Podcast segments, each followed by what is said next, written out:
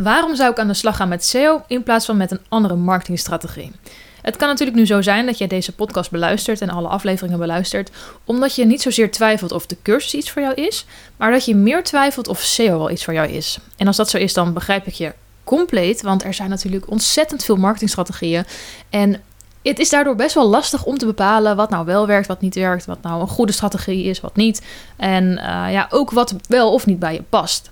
Nou ben ik sowieso een groot fan van online marketing in het algemeen. En er zijn ook nog heel veel andere strategieën naast SEO die ook fantastisch zijn. Maar SEO steekt er wel echt met, met kop schouders bovenuit als je het mij vraagt. En ik vertel je graag waarom. Ik ben natuurlijk wel een beetje bevooroordeeld, maar um, ja, ik vertel je graag waarom, zodat je zo meteen zelf een beetje kunt uh, kijken en een keuze kunt maken of het wel of niet iets voor je is. Nou, een van de belangrijkste redenen waarom ik SEO zo geweldig vind en waarom heel veel andere marketeers en überhaupt ondernemers SEO geweldig vinden, is omdat het gratis is. Het kost dus gewoon helemaal geen geld. Nou, moet ik wel eerlijk zijn, er zijn wel situaties waarin het eventueel wat geld kan kosten. Uh, dat is het geval als je bepaalde hulpmiddelen gaat gebruiken, bepaalde tools. Die kosten vaak wel wat geld, uh, maar dat is niet noodzakelijk. Het zijn vaak tools die uh, jou helpen om tijd te besparen. En ja, dat is natuurlijk wel wat geld waard. En als je even plat gezegd kijkt naar de kosten onderaan de streep, dan ben je altijd minder geld kwijt dan met andere marketingstrategieën als je wel die hulpmiddelen zou gebruiken. Maar nogmaals, die zijn niet noodzakelijk. Dus het kan echt dat je gewoon geen cent uitgeeft aan SEO, maar wel fantastische marketingresultaten kunt behalen. Dus dat is sowieso al een heel groot pluspunt. Daarnaast is SEO echt een fantastische strategie voor de lange termijn. De resultaten die je straks gaat behalen, um, daar, daar kun je echt maanden of zelfs jaren van profiteren, zonder dat je dat heel erg moet onderhouden. En dat is fantastisch, want als we het bijvoorbeeld even vergelijken met uh, adverteren. Als je gaat adverteren, dan uh, bijvoorbeeld in Google of op uh, Facebook of op Instagram, dan betaal je geld en dat doe je voor een bepaalde periode. En in die periode ben je dan zichtbaar.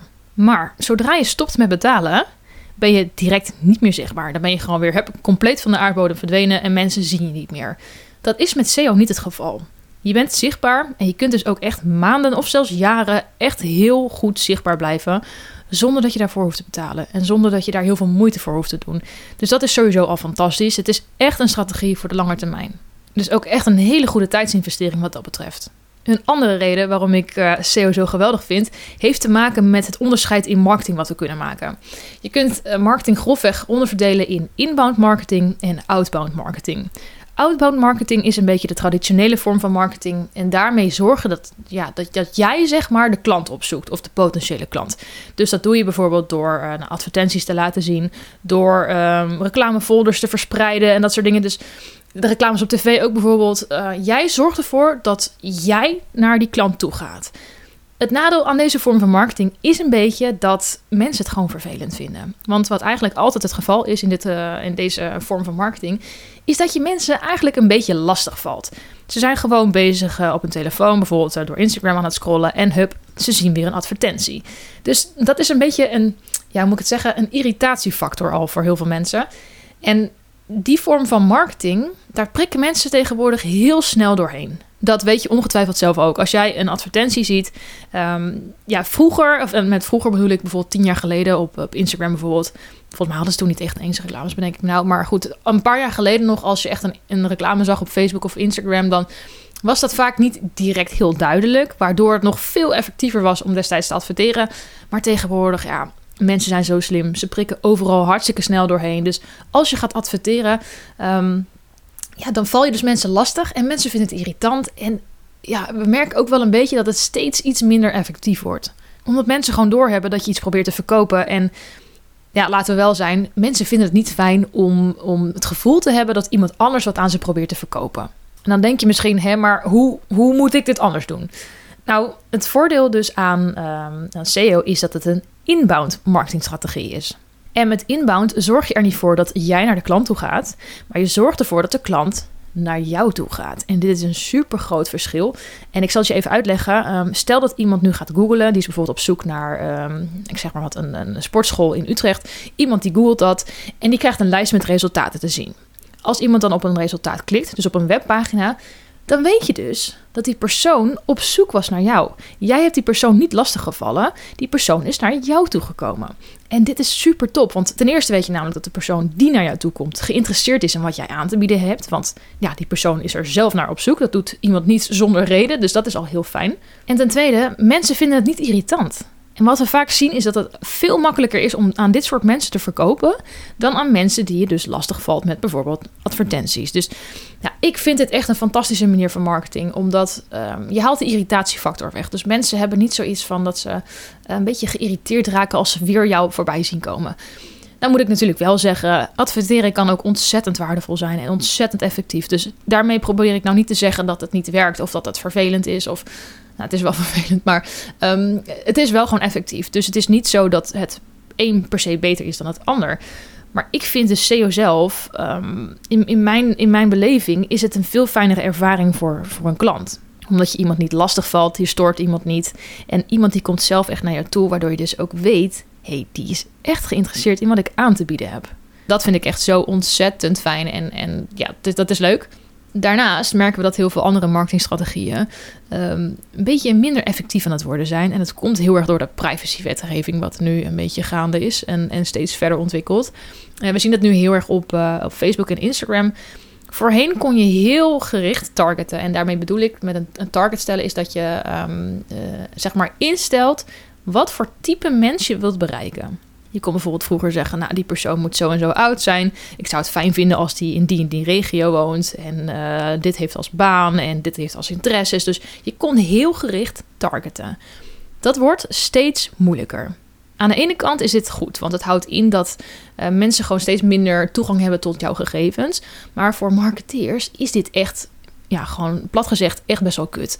Want het wordt steeds moeilijker om de juiste mensen te bereiken, waardoor je marketingbudget uiteindelijk wel wat hoger gaat zijn, um, omdat je, je targeting minder effectief is of minder specifiek, zeg maar.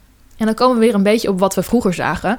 Uh, stel dat jij een advertentie in de krant plaatste over een. Over een uh, of nou, gewoon je hebt een specifiek bedrijf, bijvoorbeeld. Uh, nou, ik doe maar weer even sportschool als voorbeeld.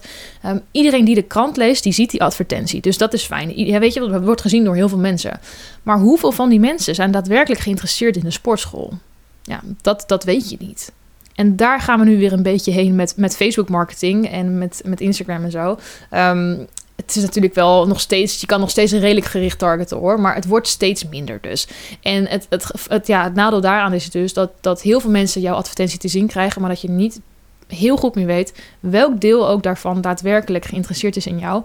Waardoor het dus zo kan zijn dat je geld betaalt om een advertentie te laten zien aan iemand die eigenlijk helemaal niet geïnteresseerd is in wat je aanbiedt. En dat kost gewoon geld uiteindelijk. Dus dat is, uh, is sowieso ook gewoon zonde. Daarnaast, ook een mega groot voordeel, is dat het algoritme van Google nauwelijks verandert. Er zijn, nou dat is niet waar. Er zijn altijd wel veranderingen, maar het zijn geen veranderingen waar jij als marketeer echt last van gaat hebben. Als het verandert, dan is het vaak alleen maar in jouw voordeel, als je het goed hebt aangepakt. Uh, wat, wat, uh, wat bijvoorbeeld nu heel erg zien op Instagram en Facebook, is dat het algoritme constant verandert. Heel irritant. Waar je vroeger bijvoorbeeld uh, met, met één simpele foto heel veel bereik had, um, ja, zul je gewoon nu zien dat de likes teruglopen, dat je bereik terugloopt. De ene keer moet je stories maken, de andere keer moet je weer reels maken. Het, het verandert constant. Met SEO is dat niet het geval. Als er een verandering plaatsvindt in het algoritme van Google, is dat echt 9 van de 10 keer altijd in jouw voordeel. Dus je hoeft ook niet constant je strategie aan te passen. Dus dit, dit valt weer heel mooi in, in het verhaal met de lange termijn strategie. Je kan gewoon een strategie uitwerken en dan kun je dus echt heel lang opteren zonder dat je dan weer heel snel moet schakelen omdat ineens uh, het algoritme heeft besloten dat je nu reels moet gaan maken in plaats van stories of, of um, ja, gewoon foto's op je tijdlijn posten. Ook dat is fantastisch. Nou heb ik het heel erg over Facebook en Instagram en zo. En dat is omdat ik denk dat de meeste, um, ja, meeste online marketing uh, um, inspanningen daar wel een beetje rondom hangen. Maar er zijn natuurlijk ook andere vormen van marketing. Uh, offline, bijvoorbeeld uh, via de radio, via de tv, via de kranten, tijdschriften en zo. Ja, wat ik daar een heel groot nadeel aan vind, en dat is uh, meer het, het verhaal van online tegenover offline, is dat offline reclame, zeg maar, heel lastig te meten is. En ik zei het net ook al een beetje met het voorbeeld van de krant. Um, nou, ik heb bijvoorbeeld een voorbeeld. Voor mijn bedrijf um, heb ik een, uh, uh, ooit een keer iemand over de vloer gehad en die had lichtmastreclame. Dat zijn van die borden die je aan lantaarnpalen ziet hangen. En ehm, nou, dan, dan ga je in gesprek van oké, eh, wat, wat levert het mij op? Dat is heel moeilijk te zeggen voor dat soort vormen van reclame, omdat je het niet goed kan meten. Het enige wat die persoon mij kon vertellen is hoeveel auto's er dagelijks langs rijden. Dus hoeveel mensen mm, zeg maar mijn reclamebord te zien krijgen. Maar ik weet niet hoeveel mensen dat ja, uiteindelijk ook geïnteresseerd zijn in wat ik aan te bieden heb. En hoeveel mensen uiteindelijk ook daadwerkelijk naar mijn showroom zijn gekomen of, of naar mijn website zijn gekomen, omdat ze dat bord gezien hebben. Dat weet ik niet. Het enige wat ik kan doen is mensen vragen hoe ze me hebben gevonden. Maar dan moet ik ook nog maar het geluk hebben dat ze weten dat het komt door dat bord.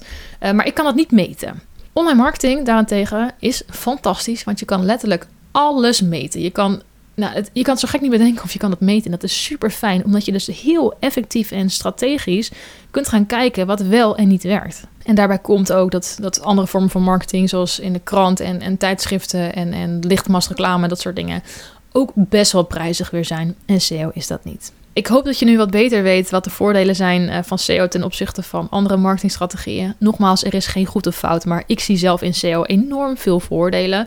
Ik kan je ook nog wel even aanraden om eh, de aflevering te luisteren waarin ik het heb over ehm, voor wie de cursus geschikt is. En ook wat je moet kunnen voordat je aan de cursus begint. Want daarin eh, kun je ook een beetje meer, ja, heb je meer informatie zeg maar om een goede keuze te maken of SEO überhaupt iets voor jou is.